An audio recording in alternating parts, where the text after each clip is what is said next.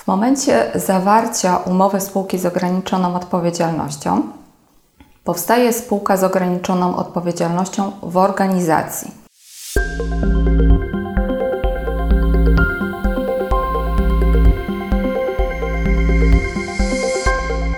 Prawo przy kawie.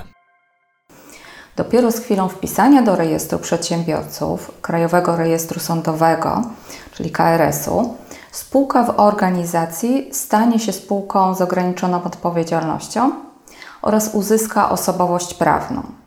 Jednakże już jako spółka w organizacji ma zdolność prawną, czyli zdolność do bycia podmiotem praw i obowiązków oraz zdolność do czynności prawnych.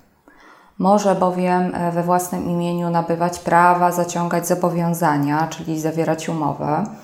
Spółka w organizacji może również pozywać i być pozwaną. Spółkę w organizacji reprezentuje zarząd albo pełnomocnik powołany jednomyślną uchwałą wspólników.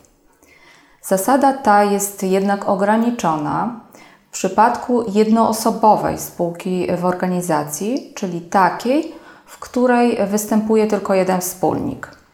Musimy pamiętać, że jedyny wspólnik nie ma prawa reprezentowania spółki, czyli do czasu wpisania spółki do rejestru, jedyny wspólnik nie może jej reprezentować ani jako członek zarządu, ani jako pełnomocnik.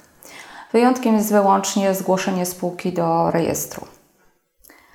Jeżeli jedyny wspólnik będzie e, zarazem jedynym członkiem zarządu, a spółka jeszcze przed zarejestrowaniem e, chce zawierać jakieś umowy, na przykład umowę najmu lokalu, umowę o pracę, to wówczas konieczne jest powołanie pełnomocnika i pełnomocnikiem tym nie może być e, oczywiście jedyny wspólnik.